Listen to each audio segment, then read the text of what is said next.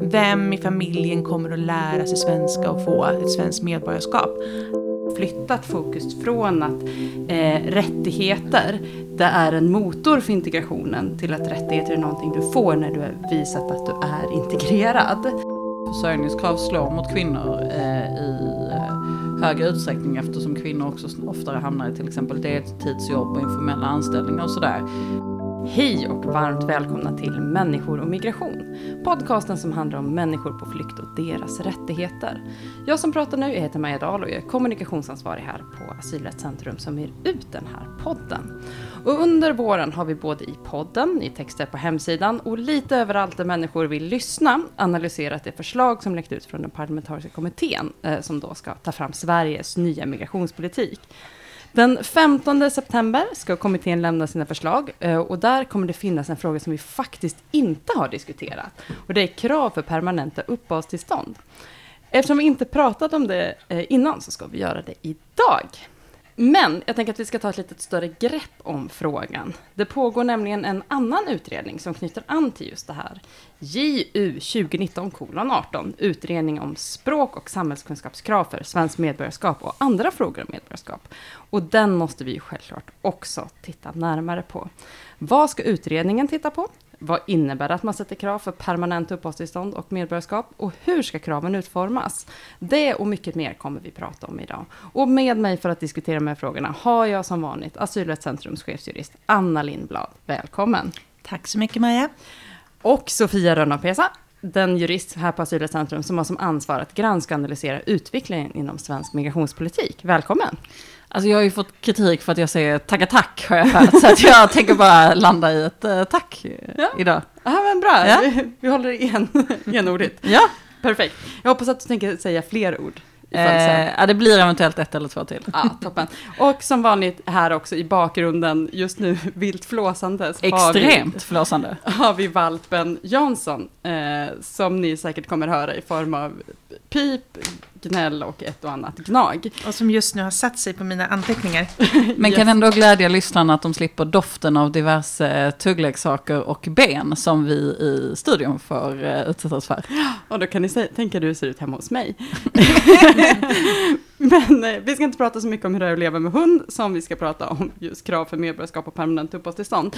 Innan vi går in på själva kraven och utredningarna, så tänker jag att vi börjar med det absolut kanske mest grundläggande, så att man förstår förstår vad det är vi ska prata om här. Och det är, vad är egentligen skillnaden mellan medborgarskap och permanent uppehållstillstånd? Anna? Ja, Maja, det är en jättebra fråga eh, och där det också finns många missförstånd. För det som är viktigt att veta är att ett permanent uppehållstillstånd, det är inte någon absolut rätt att eh, bo och arbeta i Sverige. Utan ett permanent uppehållstillstånd det kan återkallas vid eh, brottslighet eller om man ja, flyttar från Sverige eh, till exempel. Medan då ett medborgarskap är en absolut rättighet att bo och leva i Sverige. Och det kan inte eh, återkallas. Och sen finns det ju såklart eh, rättigheter också kopplade till eh, medborgarskap som inte finns för personer med permanent uppehållstillstånd och då menar jag då eh, till exempel rösträtt och även inte så ovanligt i vår bransch rätt att få vissa typer av anställning. Eh, och, givetvis själv, och givetvis också eh, rättigheter att, att röra sig inom Europa och flytta till andra länder. Så eh, det är en, det är en stor skillnad eh, mellan ett permanent uppehållstillstånd och medborgarskap. Mm. Och vi pratar ju ganska ofta om i podden just här, staters rätt att reglera invandringen på olika sätt och att det liksom läggs i, i någon sorts vågskål eh, där man tittar på eh, individens liksom, mänskliga rättigheter. Om man då tittar på just när det gäller krav till eh, medborgarskap och uppehållstillstånd. Hur ser de här vågskålarna ut då, om man liksom lägger mänskliga rättigheter i ena sidan och individens intressen och statens intressen i andra vågskålen? Vad är det man måste lägga i de olika viktskålarna där? Måste man ta hänsyn till? Ja, alltså det finns ingen, det finns ingen eh, rättighet så att få ett permanent uppehållstillstånd. Rättigheter är kopplade till medborgarskap på vissa sätt i det att eh, det finns eh, FN-konventioner som skyddar till exempel eh, statslösa från att vara evigt statslösa, till exempel om de befinner sig i ett land. Men i övrigt så är inte det här eh, rättighetsfrågor riktigt lika på samma sätt som när vi pratar om till exempel uppehållstillstånd och sådär.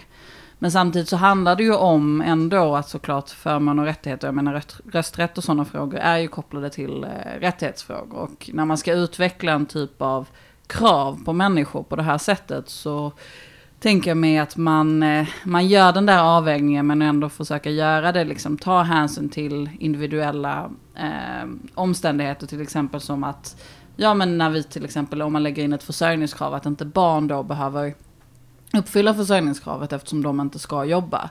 Eh, så att det blir ju att, att eh, säkerställa att kraven är förenliga med andra värderingar och, och syn på krav och rättigheter som vi har i övriga delen av samhället. Mm. Och där tänker jag också just det här med statslöshet, det är ju jätteviktigt som du lyfter Sofia. Vi kanske kan spela in en, en podd på just det temat någon gång.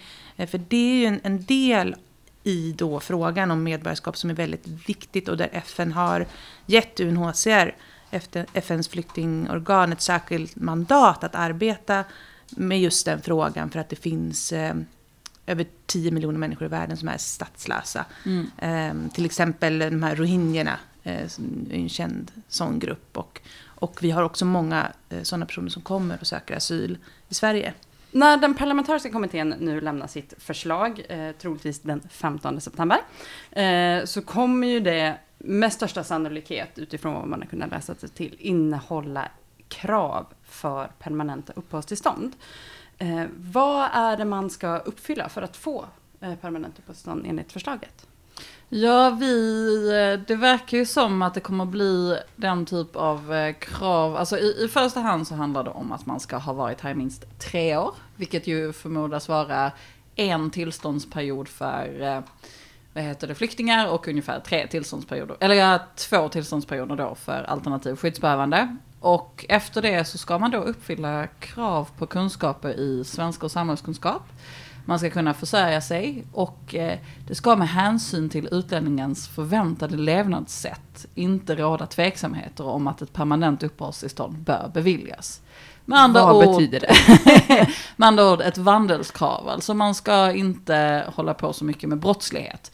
Eh, jag tror att eh, Anna kan fylla i lite mer om vad det innebär. Men jag tänkte först säga, skulle kunna gå in lite mer på det här med språk och samhällskrav. Ja, tack. Mm. Alltså, jag tror att när man hör det här att så här, människor ska förväntas kunna svenska eller förstå så att säga samhället man lever i så är det ju inte kanske så förvånande idé och det här är ju någonting som politiker har tänkt på innan. Vi har ju till exempel eh, SFI i Sverige, alltså svenska för invandrare. Och vi har också, vad heter det, utbildningar när det gäller eh, samhällskunskapskrav. Och eh, när det kommer till eh, vad heter det, språkkraven så kan det ju i vissa fall vara så att eh, du kan få eh, eh mista etableringsersättning om du inte fullföljer SFI. Um, ehm, så att uh, det finns ju någon typ av språkkrav redan inbyggt i så att säga en nyanländs liv i Sverige. Det som väntas vara kravet nu är att du måste uppfylla en viss nivå.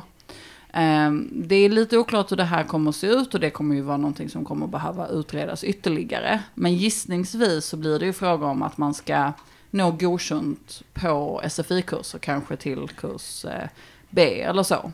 Så det kommer vara ganska konkret och kopplat förmodligen då till det redan nuvarande existerande systemet.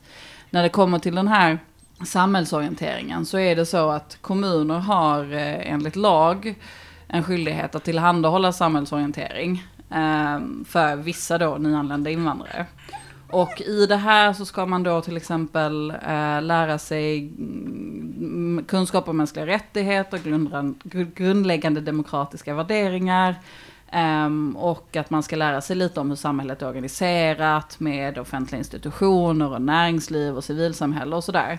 Och idag så är det redan så att varje deltagare efter avslutad samhällsorientering får ett intyg på kommunen att man har avslutat den här kursen. Um, och uh, man kan ju vänta sig också då att det kommer bli någonting liknande där, att man sammankopplar det här kravet då på till exempel att man har fullgjort en sån här kurs. Um, vi vet ju inte idag om man kommer utveckla det här mycket mycket längre, men gissningsvis blir det ju någonting att man använder sig av redan nuvarande system.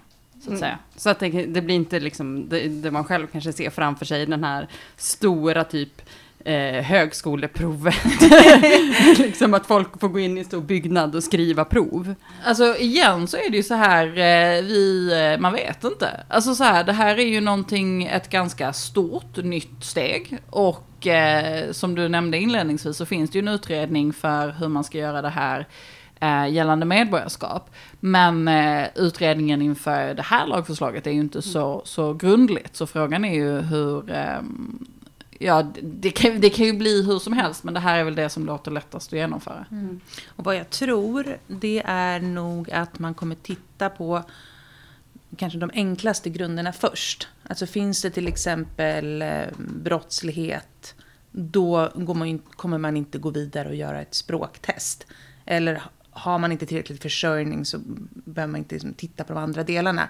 Det man brukar kalla för att man, man slår på första grunden. Ja. Eh, det är väl en rätt, kvalificerad gissning om jag får säga så själv. Mm. Ja, men jag kan om, tänka mig att vandel kommer vara ett av de, de stora alltså hindren från eh, permanent uppehållstillstånd skulle jag gissa. Eh, eftersom det känns som att det är liksom lite mer av en förmån som ges.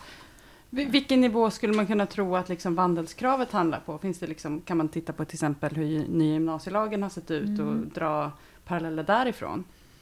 Mm, bra fråga. Ehm, det är viktigt att veta att redan idag så finns det ju vandelskrav när man får sitt första uppehållstillstånd.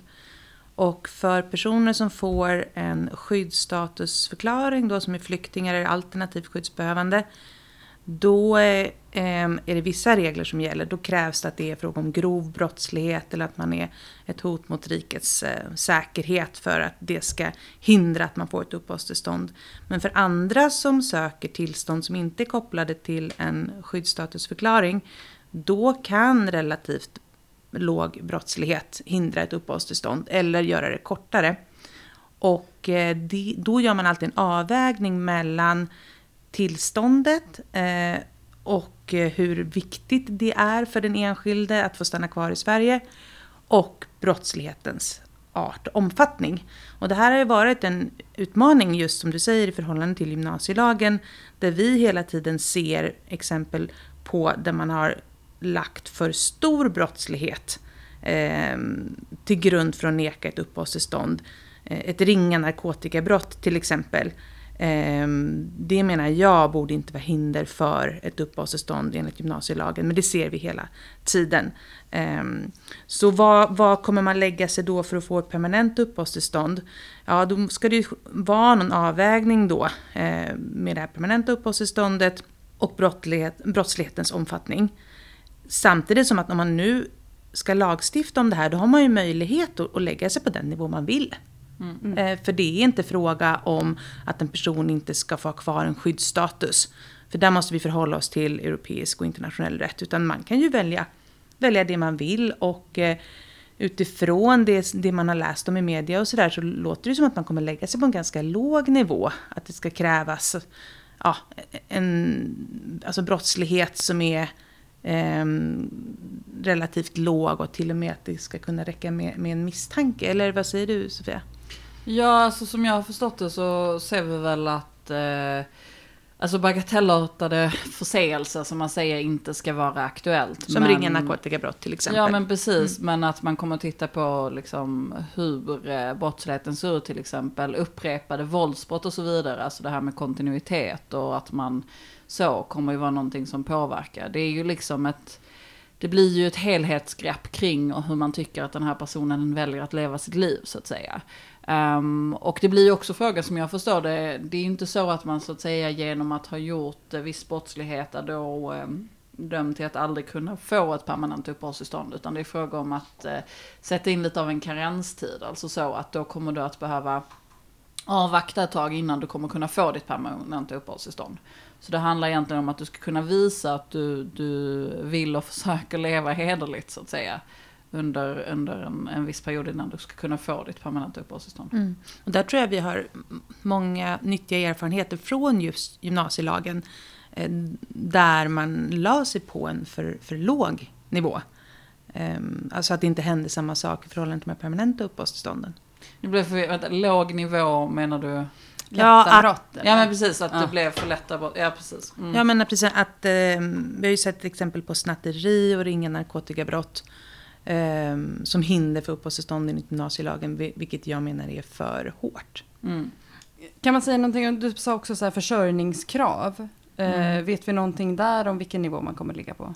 Eh, nej, eh, det vet vi väl inte. Och det är viktigt även här då, jag återkommer till det, eh, att idag så finns det ju många olika typer av krav på försörjning för att få uppehållstillstånd. Det finns ett då för att få permanent uppehållstillstånd idag så finns det ett krav på ens, ens egna försörjning. För att få så kallat spårbyte, alltså att man söker ett arbetstillstånd efter att man har haft en asylprocess, så är det ett annat krav. Det är ytterligare ett eh, när det gäller försörjningskrav för att ta hit sin familj. Och ytterligare ett för att få ställning som varaktigt bosatt och därigenom ett permanent uppehållstillstånd. Och det här kan jag säga, det är jättesvårt för personerna som berörs av det här att veta. Eh, Jag hade bara förra veckan kontakt med en person som hade läst in sig helt och hållet på försörjningskravet och trodde att det var det som gällde. Ehm, där man då till exempel kan räkna in sin egen förmögenhet. Men för honom var det fråga om att få ett uppehållstillstånd, eh, då ett permanent uppehållstillstånd. Och då är det andra regler, så det här är ju oerhört snårigt. Men ehm, det man kan tänka sig är väl att det blir en fortsättning på det som idag gäller för permanent uppehållstillstånd för egen försörjning. Alltså att man ska kunna försörja sig på den lön man har. Och det som talar för det, som sagt, det är den lösning vi har idag. Och då kanske man fortsätter med det. Eh, det som talar emot det är att den bestämmelsen som är i 17 paragrafen i tillfälliga lagen togs ju fram väldigt snabbt. Förarbetena är eh, korta och man säger att man ska göra en sammantagen bedömning. Det skulle ju vara bra med lite mer vägledning, inte minst kring det här eh, omdiskuterade att man måste ha en fast anställning eller åtminstone ett tvåårskontrakt. eh, kontrakt. Eh, för det har ju slagit väldigt hårt mot ja, unga personer till exempel. Jo men eh, det är ju, alltså allting det här är ju preliminärt. Jag menar det arbetet de gör nu, vi vet ju inte alls hur det kommer minna ut i slutändan.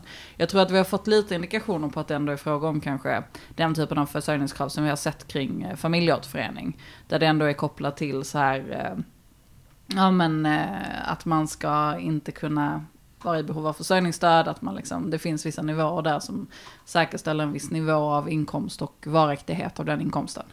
Så att det kommer nog bli ett så att säga reellt försörjningskrav kan vissa som kommer Mm. in i, i så. Men kanske lite mer reglerat då och att man går ifrån lite mer den här skönsmässiga bedömningen. Mm.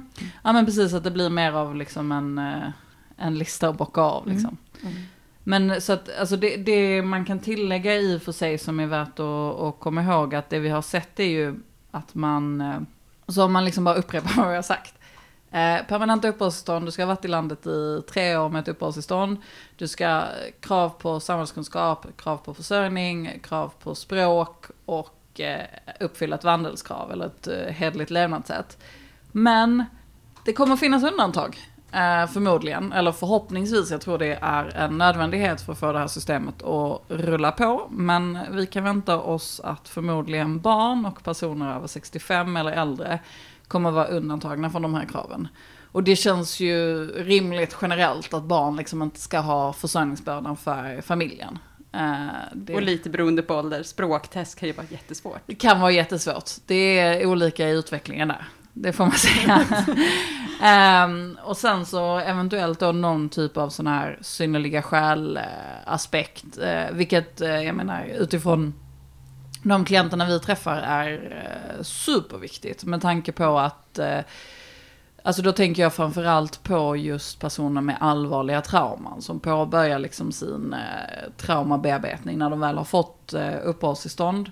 Um, och att under den perioden sätta sig och eh, förmå lära sig ett språk är nog inte så att säga verkligen inte alla som klarar av. Så jag hoppas verkligen att man beaktar den typen av situationer i, i relation till det undantaget. Men, men allt det här är ju, är ju fortsatt förslag så att säga. Så vi får se hur det minnar ut. Mm. Nu har vi liksom lite koll på vad, vad det skulle innebära och, och, och kanske en del av undantagen så. Eh, Men vi, som jag inledde här, vi har ju pratat mycket om vad som liksom har läckt ut från kommittén och under våren då. Eh, diskussionen om krav för putt har ju inte varit speciellt framträdande Totalt under vårens diskussioner. Ja. Mm. Vet vi varför man vill införa det här? Jag ger mig på en gissning. Eller så här, jag, Kör. jag skulle gissa att anledningen till att vi inte har, det har inte har pratat så mycket om det här. Eh, jag, jag måste erkänna att jag tycker det är oklart faktiskt ens vilket politiskt eh, håll det här har, har kommit ifrån. Mm. Jag tycker det har varit ganska otydligt under kommittéarbetet. Men jag skulle gissa att så här, extremt mycket av fokusen på det migrationspolitiska samtalet har varit just i det här med push och pull-effekter i relation till vem som kommer till Sverige och vem som inte kommer till Sverige. Um, vilket såklart uh, anpassas mer till så att säga vem som har rätt att att vistas här och hur man ska göra kring gränsdragningar och sådär. Medan det här förslaget är ju mer av ett klassiskt så att säga integrationstyp eh, av förslag. Alltså kopplat till vad händer när människor väl har etablerat sig här? Hur ska vi säkerställa att de kommer in i samhället och så vidare? Vilka krav ska vi ha på dem och vad de ger till samhället? Så jag, jag skulle gissa att eh, ett är därför det inte har varit uppe för diskussion så mycket. Men två skulle jag gissa att det är väl därför man eh, för in det. Att det är ett, ett eh, argumentation i relation till liksom, integrationsmöjligheter. Mm. Men, och där ser man ju att det, där finns det ju liksom en del forskning ändå som man kan liksom vila sig mot. Vi vet att här, Karin Borevi som är lektor och docent på Södertörns högskola, hon har ju skrivit ganska mycket om just integrationsaspekterna eh, av invandring och pratat om någon så här villkorad medborgarintegration eh, och ett paradigmskifte, främst utifrån liksom ett europeiskt perspektiv, att man har flyttat fokus från att eh, rättigheter det är en motor för integrationen till att rättigheter är någonting du får när du har visat att du är integrerad. Och att det är det vi lite ser i, i de här förändringarna i hur särskilt svensk också migrationsdebatt har gått. Och vi spelade in ett avsnitt med henne eh, när, om liksom kravet för eh, familjeåterförening och då pratar vi ganska mycket om det så det kan vara värt för, för er som är intresserade av de här frågorna att lyssna på och höra henne resonera om de här delarna. Men vad tänker ni kring att man ser att man liksom förskjuter sig i just de här frågorna börjar göra saker som sker också i andra europeiska länder? Men jag, alltså, det kan jag bara säga att jag tycker att det är en eh, solklar beskrivning av vad som har hänt i Sverige. För att om man tittar på eh, skälen för permanenta uppehållstillstånd som eh, alltså, har argumenterats för tidigare i propositioner när man infört det och sådär. Då har det ju alltid varit kopplat till integrationsargument. Att så här, människor behöver vara här, eh, liksom känna trygghet att de ska vara här hela sitt liv för att kunna etablera sig. Det har ju också varit de argumenten för familjeåterförening och så vidare. Ehm, så att eh, det är ju helt klart att när argumentationen istället blir liksom, eh, ja, ni, ni ska först ha gjort det här innan ni får liksom, permanenta uppehållstillstånd till exempel som, som pris då. Det är klart att det är ehm, ja, men en ny inställning till hur människor integreras så att säga. Vad det är som gör att en person ingår i, en- i en samhälls... eh, i, i samhället. Liksom. Mm. Eller vad säger du Anna? Ja, precis. Man skjuter det, det permanenta uppehållstillståndet längre och längre bort. Och ända tills för fem år sedan så, så tyckte man från eh, ja, regeringens sida och de som initierar lagförslag att vi ska ha permanenta uppehållstillstånd. Eh, det är bäst. Så, har- så har det alltid sett ut. Men nu skjuter man det då till att det ska vara tillfälliga uppehållstillstånd. Och sen så kan man få permanenta uppehållstillstånd på egen försörjning till att lägga till ytterligare krav. Och då kommer ju givetvis också medborgarskapet att skjutas på. Mm. Så det är ju en fördröjning av de här stegen. Mm.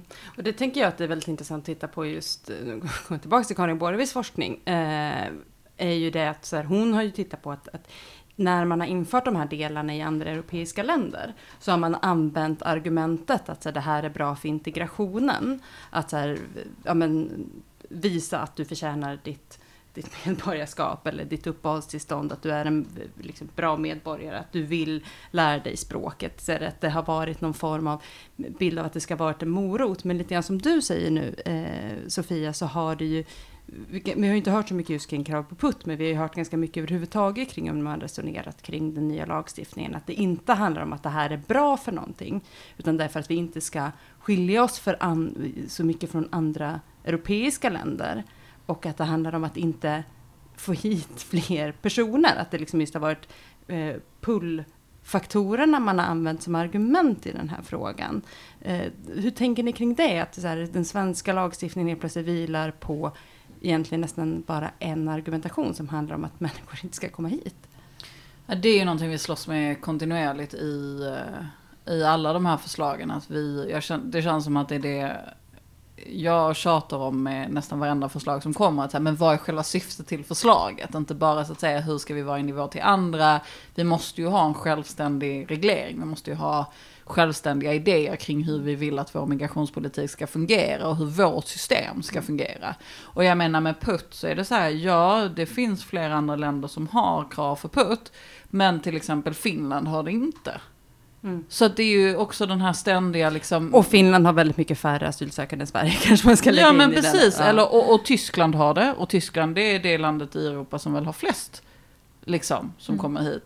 Så det är ju den här kontinuerliga, alltså det är ju väldigt svårt att så att säga dra inspiration eller avskräckande exempel från andra länder med enskilda lagförslag.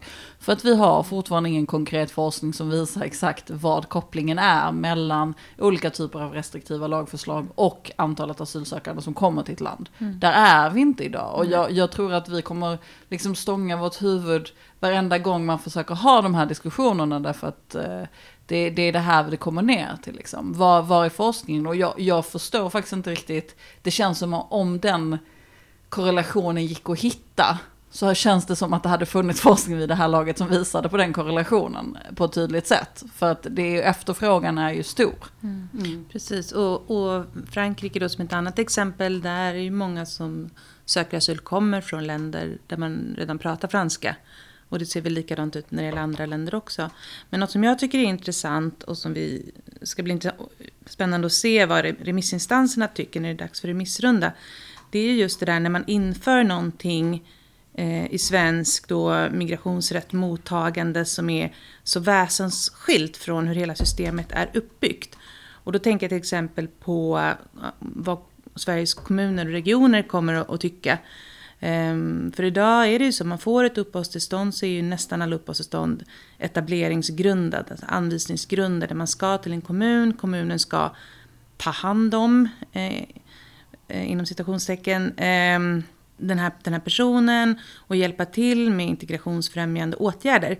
Hur kommer det ställa sig mot också det här med språkkrav och krav på samhällskunskap? Hur blir eh, utmaningen för kommunerna? Kommer det här vara någonting som, som främjar eller som försvårar? Det tycker jag är intressant. Ja, det blir spännande att läsa SKRs eh, remissvar om inte annat. Ehm, Sveriges kommuner och regioner. Just det. eh, och jag tänker att så här, nu, vi väntar ju fortfarande på att, att det ska komma förklaringar och argument för just krav för putt. För som sagt, den frågan har varit lite frånvarande i debatten. Men man kan ju titta lite på hur argumentationen har varit kring språk och samhällskunskapskrav när det kommer till medborgarskap. För den debatten har ju funnits eh, i Sverige ändå ganska Länge. länge. Ja, men länge. Eh, inte minst valet 2002 när Leijonborg och dåvarande Folkpartiet, numera Liberalerna, eh, liksom lyfte de här frågorna och då ökade från 4 i opinionsundersökningar till 13,4% i valet. Eh, då kan man ju se så här, när de gick ut med det, vilka, vilken eh, eller vad de möttes av liksom, från forskarhåll. Och där språkforskare har varit jättekritiska till att språkkrav skulle vara en eh, integrationsmotor. Eh, dels har man ju pratat om alltså, professor Tommaso Milani som forskar i flerspråkighet eh, utifrån ett samhälleligt perspektiv på Göteborgs universitet. Han har ju pratat om att så här, det finns många saker som påverkar språkinlärning. Men att säga att ett språktest skulle öka motivation och att motivation skulle vara motorn är att det är en myt och att det därför skulle kanske snarare skapa mer stress och försvåra språkinlärningen för personer. Och så finns det andra språkforskare som Fanny Forsberg Lundell som är docent i franska på Stockholms universitet som säger att vi har för lite forskning kring de här frågorna. Lite grann det ni var inne på. Så här. Det borde finnas forskning som stöder det här men det finns inte så mycket forskning på de här frågorna. Vilket gör att man faktiskt inte vet. Det man vet om språkinlärning är att det som påverkar är ålder vid vilken man börjar lära sig språket, språkbegåvning, eh, utbildningsnivå, motivation och kunskaper i andra språk och att posttraumatisk stress kan påverka kognitiva förmågor negativt och alltså kan försvåra språkinlärning. Och då kan man tänka sig att ganska många av de här personerna som kommer Ja, men det kan vi verkligen säga Mm. att PTSD är verkligen en vanlig, en otroligt vanlig eh, diagnos. Ja. Och jag tänker så här, eh, Fanny Forsberg Lundell har ju lyft att så här, när man ska prata om språktest så ska man inte titta på empirisk forskning, för det finns inte. Utan man snarare måste gå in och prata om det ideologin bakom och vilket samhälle man vill skapa. För där är det enda någonstans man på något sätt har någonstans att ta i. Eh, och då kan man ju fråga sig, vad är, det för, vad är det för samhälle de vill skapa med det här då? Ja men det, jag nöjer mig inte riktigt med det svaret. För jag menar någonstans så måste vi ju ändå försöka hitta forskningen i det här. Alltså det är ju ändå eh, experiment i liksom ganska grundläggande eh, aspekter. Liksom. Och man undrar ju varför man har känt sig så trygg med liksom permanenta uppehållstillstånd tidigare. Och nu när det liksom har tagits bort permanenta uppehållstillstånd kopplat till någonting helt annat än integrationsaspekten. Mm. Så är det intressant nu att man då kommer tillbaka och pratar om permanenta uppehållstillstånd på ett helt nytt sätt. Mm. Det är ju det igen den här liksom eviga förvirringen kring att man ändrar ett system utan liksom syfte kring varför ändringarna görs, annat än att det ska ge en signal. Och sen så när man väl då ska förklara eller etablera reglerna så saknar man lite grund för varför man gör det man gör. Och jag, jag vet inte, jag, jag tänker ändå att det måste finnas någon slags försiktighet i att eh, introducera regler som då eventuellt, alltså för jag menar, så här, eh, det kan ju också gå åt andra hållet. Det är ju det, det är liksom inte självklart att det bara är en, en liksom, Eh, en bra chansning utan så här som, som forskningen pekar ju snarare på att det kan riskera att människor blir, får sämre inlärning eller liksom hamnar längre ifrån sina permanenta uppehållstillstånd och så vidare. Och jag menar, så det är ju inte liksom en riskfri, eh, ett riskfritt försök. Mm. Så man kanske kan känna att så här, vad spelar det för roll om vi har krav liksom? Nej, och jag tänker också lite grann det vi har stångats med eh, senaste åren, att på något sätt få fram eh, kunskapen om eh, just att tillfälliga uppehållstillstånd inte innebär att när din ditt uppehållstillstånd går ut så om det inte, alltså så, så utvisas du utan att du har liksom, mm. om du har en skyddsstatus så har du det. Och då kommer ditt uh, uppehållstillstånd med allra största sannolikhet förlängas. Att nu sätter man liksom ytterligare någonting nytt som vi ska mm. lära oss och som folk ska liksom förstå var gränserna ligger mm. och att det är liksom mm. det vi ändrade 2015, de förändringarna har kunskapsspridningen inte blivit tillräckligt stor kring. Och mm. så ska det ännu mer förändringar som ligger utanpå det här att jag ser att det kan, det kan påverka rättssäkerheten och möjligheten för människor att faktiskt få tillgång till sina rättigheter också. Mm, ja, absolut. Och alltså jag, jag, måste, jag måste kommentera det också, att jag tycker verkligen att det är en jättestor skillnad att ha krav för putt och ha krav för medborgarskap. Jag tycker att det är verkligen, alltså, framförallt när vi har så korta tillstånd som vi ändå har i Sverige, eller som vi också verkar föreslå oss fortsätta ha, att det är ett, ett jätte jättehopp liksom att gå från att varje år eller vartannat år behöva liksom ha en osäker liksom, eh, uppehållstillståndsstatus, att vara lite oklart kring liksom, hur man ska planera sin framtid och så vidare. Eller att i alla fall ha som utgångsläge att man tills vidare befinner sig här. Det är en så himla annorlunda liksom situationen att just att så här, ja men när du väl blir medborgare, när Sverige tar över ansvaret för dig som individ liksom för all framtid, att det kommer finnas liksom en högre tröskel dit. Jag tänker att, att, att flytta den diskussionen som redan pågår kring medborgarskap till PUT är en, eh, det är ett väldigt stort steg och jag förbryllas igen av att det bara verkar ha liksom bara slängts in i kommittéarbetet och utan liksom större samhällelig diskussion. Och jag kan tänka mig att man upplever liksom att eftersom den här diskussionen ändå har funnits kring medborgarskap är inte hoppet till putt så stort. Men det blir igen en väldigt konstig liksom övergång. Att helt plötsligt så ska det vara i relation till bara, ja alltså hoppet är liksom mellan att du har först eller varandra året. Mm. Eller så ska du liksom kunna vara här tills vidare. Det är så konstiga liksom, strukturer. Ja, och jag tänkte på det du sa Maja om rättssäkerhet. Som vi ju återkommer till ofta här i podden. Och tänker på också rättvisa när man pratar om medborgarskap och språkkrav. Eh, För precis som du sa så har det ju i de gånger man har sett över medborgarskapslagstiftningen de senaste 40 åren så har ju man ju alltid tagit upp frågan om ett språkkrav. Men man har valt att inte införa det just för att det är praktiskt väldigt svårt att administrera. Och sen också ur rättvisesynpunkt så är det svårt att göra det rättvist. Vem i familjen kommer att lära sig svenska och få ett svenskt medborgarskap? Är det kvinnan som aldrig har studerat Eh, kanske. Eh, nej, troligtvis inte. Och, och så. Så det, det, det, tycker jag är en jätteviktig del. Och som jag, om jag kommer ihåg det rätt, är också en del i den här utredningen som ligger nu, som man ska titta just på det ur ett jämställdhetsperspektiv. Ja, men det, det Anna, du nämner just om att eh, den här typen av krav kan slå hårdare mot kvinnor, det är också någonting som forskningen visar. I den här rapporten från eh, Delmi som eh, Karin Borrevi har skrivit så står det bland annat till exempel att försörjningskrav slår mot kvinnor eh, i eh, högre utsträckning eftersom kvinnor också oftare hamnar i till exempel deltidsjobb och informella anställningar och sådär.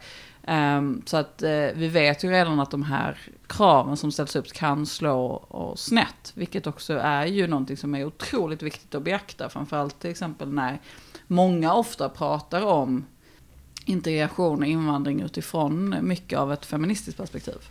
Ja, eh, vi kan väl gå in på den utredningen. För i oktober 2019 så tillsattes en utredning om införande för, av krav för medborgarskap. Eh, vad är det då den, den, här utredningen ska titta på? Vad står det i direktiven? Jo, men det står att eh, utredningen ska lämna förslag till regler som innebär att godkänt prov i svenska och grundläggande samhällskunskap är krav för ett svenskt medborgarskap. Eh, och sen då utreda eh, Eh, var de här undantagen som Sofia pratade om ska finnas.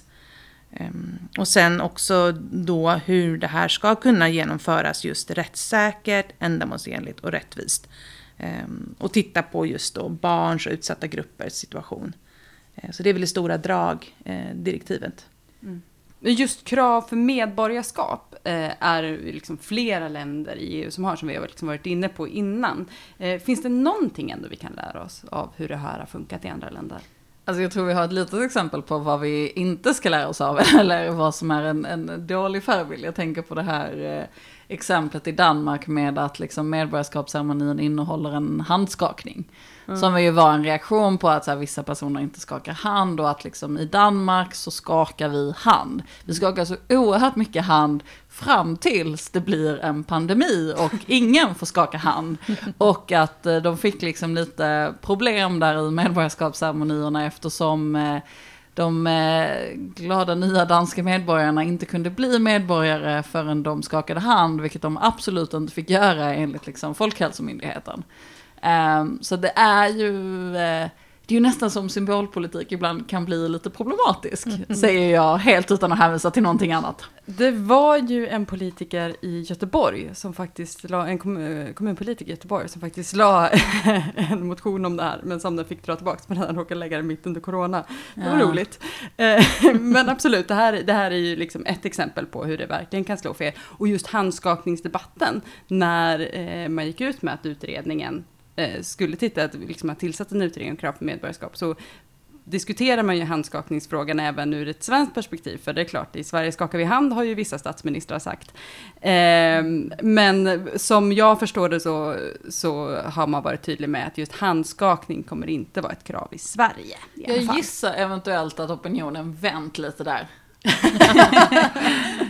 ja, det är nog sant. Eh, men det, det, blir ju liksom speciellt nu när vi har ett sånt här samtal som vi har med att man, man pratar om både krav för medborgarskap och krav för permanent uppehållstillstånd ganska nära varandra.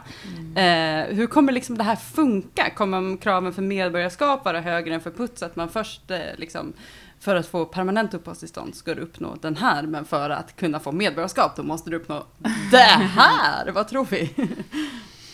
De måste, alltså de måste ju spegla varandra på något sätt. Alltså man kommer inte kunna ha högre krav för putt. Och jag tror att de tänker, som jag har förstått det så tänker man väl likadant. Att, att eh, liksom puttkraven är eh, ett eh, första steg in till medborgarskap. Samtidigt som när man tittar på själva kraven så vet jag inte riktigt hur mycket hårdare de skulle kunna vara för mm. medborgarskap. Liksom det känns ju som att de är ganska lika i nivå.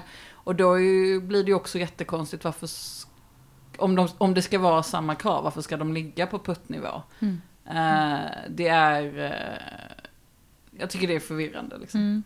Ja, och jag tänkte också på en annan sak, lite så problematiserande, att den här utredningen nu som ska titta på medborgarskap, men jag tror att många som, som lyssnar på podden kan också tänka sig, men varför ska man inte kunna svenska? Mm. Eh, och det är ju även så att det finns ju språkkrav för att komma in i samhället. Mm. Mm. Eh, något som vi som jobbar med det här möter hela tiden just personer som lär sig svenska snabbt, de, de eh, får det ju lättare.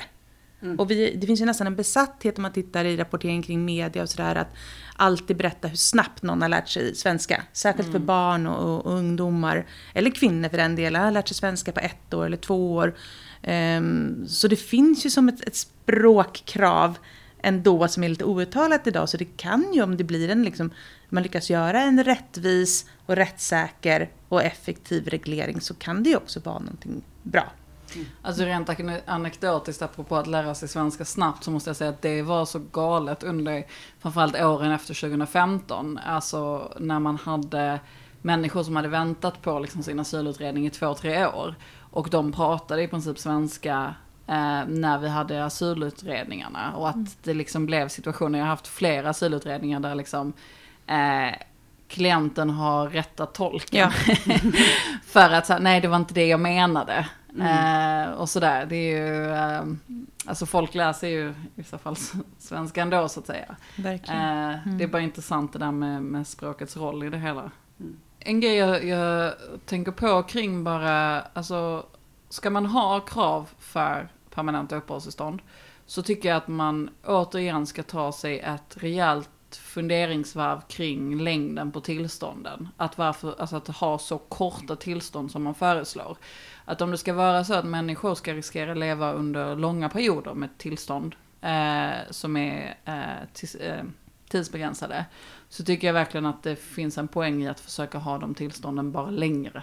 Så att man hinner vara ett någorlunda fungerande liv under perioden innan man eh, vad heter det, faktiskt går över till permanenta uppehållstillstånd. Mm. Och jag tycker att man ska lära sig av erfarenheterna från 17 paragrafen tillfälliga lagen när det gäller då vad som krävs i form av anställning. Mm. Eh, för att som det är idag då som sagt så krävs det att det är en, en fast anställning eller tvåårskontrakt och fast anställning då räcker det inte med provanställning. Där har det funnits jättemånga eh, missförstånd.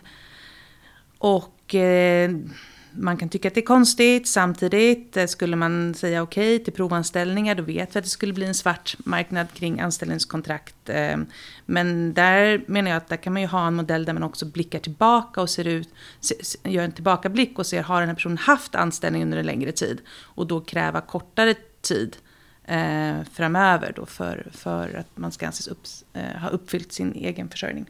Mm. Och jag tycker att man ska lära sig av Danmark. men med det jag sagt så är det dags då liksom att avsluta dagens avsnitt. Eh, och vi avslutar ju varje avsnitt på samma sätt. Och det är ju nu när vi inte ses, nu när vi inte har några kaffeautomater. Vi pratar ju fortfarande om migrationsfrågor, mm. även utanför podden. Eh, men kanske inte just så specifikt kring ett ämne och håll er till sak. Eh, vad pratar ni om i era digitala kaffeautomater just nu? Sofia, vill du börja? Jo, alltså jag hade ju till min stora sorg lite förkylningssymptom när vi spelade in podden om Grekland och eh, lyssnade såklart på den ändå och rekommenderar alla lyssnare som inte har lyssnat på Greklandpodden att göra det för att det var otroligt bra. Jag tänker inte ta det som en förolämpning för att det kanske var den bästa podden, det var den jag inte var med i. Men, eh, men jag måste säga att av att lyssna på den så var det någonting som verkligen jag funderade på under egentligen hela avsnittet och det är just kopplingen mellan vad som händer i Grekland och vad som händer oss i Sverige och den politik vi utformar och så vidare och den eviga diskussionen kring att minska antalet asylsökande till Sverige. Och eh, anledningen till att jag, jag tänker mycket på det är för att när man har tittat på vad som hände efter 2015 så skulle jag säga att de flesta överens om att den stora faktorn till att det blev ett rejäl minskning av antalet asylsökande till Europa var eh, överenskommelsen mellan eh, Grekland och Turkiet som gjorde att Turkiet satte in helt egna insatser för att säkerställa att folk inte korsade över Medelhavet. Eh, och jag tror att alla personer som, som funderar kring liksom eh, minskningen av eh, asylsökande och så vidare måste ha en medvetenhet kring vilka så att säga, krafter som sätts igång av den typen av förslag och hur det påverkar människor eh, när man försöker så att säga stävja någonting som i grunden är en ganska naturlig mänsklig aktivitet, alltså migration. Um, jag, jag blev väldigt uh, drabbad på något sätt av det därför att så här, de lägena vi ser i Grekland är en konsekvens av att vi försöker hantera att migration existerar, vilket det alltid har gjort och alltid eh, kommer göra.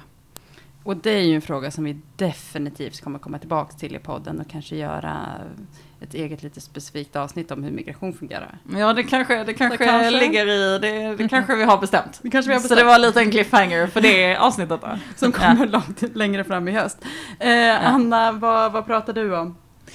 Ehm, ja, vi har pratat mycket om senaste podden. Till och med mina tonårssöner har lyssnat på den. Det är bra betyg. Men annars har vi pratat mycket om att jag har blivit någon slags eh, språkrör i fransk media. Drömmen. ja, verkligen. Inte på franska eh, dock, men eh, Frankrike gör ju uppföljningar nu fransk media. Eh, vad, hur har det gått i länderna som tog emot väldigt många asylsökande fem år senare? Tittat på Tyskland och tittat på Sverige. Ehm, så ja, jag har intervjuats av Le Monde bland annat och nu ska jag om tio minuter intervjuas av en fransk radiokanal. Ehm, så det har vi pratat om. Ja, eh, så att vi måste dessutom då runda Vi av. måste så du får- så runda av, precis. Så jag, jag kan bara Vad har säga, du tänkt på? Maja? Eh, jo, men jag har tänkt en del på, det hänger ju liksom lite grann ihop med det, med det du har tänkt på, liksom hur, hur ja, tittar man på migrationsfrågan ur ett större perspektiv, då kommer vi hela tiden tillbaka egentligen till så här europeisk nivå, att man ofta säger i svensk debatt, så här, Sverige kan inte sticka ut för mycket, eh, Sverige ska ligga jämt med de andra eh, EU-länderna, eh, och där släpper vi faktiskt en rapport nu alldeles snart, som har tittat på hur eh, Tyskland, Frankrike och Nederländerna dels vilken beviljandegrad de har på sina ansökningar, hur långa tillstånd man har, hur hum- humanitära skälen är utformade och det är våran eh, mycket kloka kollega eh, Linnea som har skrivit den rapporten. Och där tycker jag att det så himla tydligt framgår att det finns ingen europeisk nivå. Alltså den här bilden av att vi inte får sticka ut så mycket, men de andra sticker ju också ut. Så här. Frankrike har tio år för flyktingar på, på, liksom, på tillstånden. Eh, alltså det, det, finns, det, det är så svårt att hänvisa hela tiden till en europeisk nivå för att det finns inte. Nej. Och det tänker jag så här, det, det går man ju ständigt runt och mumlar för sig själv om, så här, det finns ingen europeisk nivå.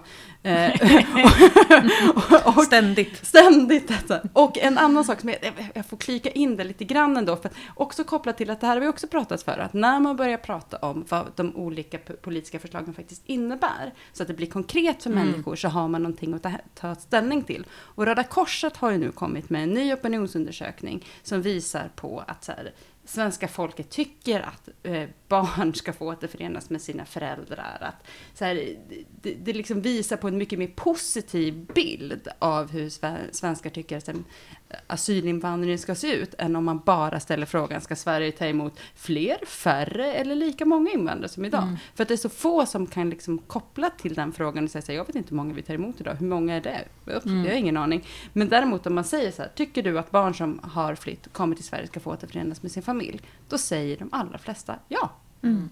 Eh, och så återigen, så här, eh, saknar debatten om vad förslagen innebär, så folk faktiskt också kan förstå vad det är man tar ställning till. Eh, så jag, jag hoppas på det framöver. 15 september släpps den parlamentariska kommitténs förslag. Eh, heja alla journalister som vill ställa konkreta frågor om vad förslagen innebär. Ja, Och med den, det uppropet eh, så är det dags att avsluta dagens avsnittet. Tusen tack Anna-Sofia för att ni satt här och förklarade krav för mig och vad som är skillnaden mellan medborgarskap och permanent uppehållstillstånd, för det visste faktiskt inte jag. tack till Jansson för att du äntligen har somnat. och eh, tusen tack till dig som har lyssnat. Om du vill ha kommentarer eller frågor från dagens avsnitt så kan ni som vanligt skriva det till, eh, till oss. Sofia, du nås på, att RRP Sofia på Twitter. jajamän, och Anna du nås på? Att Rebecka understreck Anna på Twitter. Eh, Man kan också kommentera direkt på Människor och Migrations eh, Facebook-sida och skriva i kommentarsfälten där. Och om du som lyssnar tycker så här, varför lyssnar ni inte fler på den här podden? Varför kan folk så himla lite om migrationsfrågor? Då kommer här en liten uppmaning till dig. Gå in på i din eh, podcast-app eller gå in på iTunes och ratea podden, för då kommer den upp mycket oftare i andras flöden. Och tipsa gärna vänner om att lyssna, eh, så att fler kan få lära sig mer om migration. För eh, oj oj oj, vad vi måste hålla koll på de här frågorna framöver. Ja, och lära sig, som jag ofta får höra, att man får lära sig hur svårt det är och bli mer ödmjuk inför frågorna. Mm. Ja. Jag gillar att göra folk ödmjuka, Men det sagt. Vi hörs igen om en liten vecka och då jäklar, då pratar vi brott. Hej då!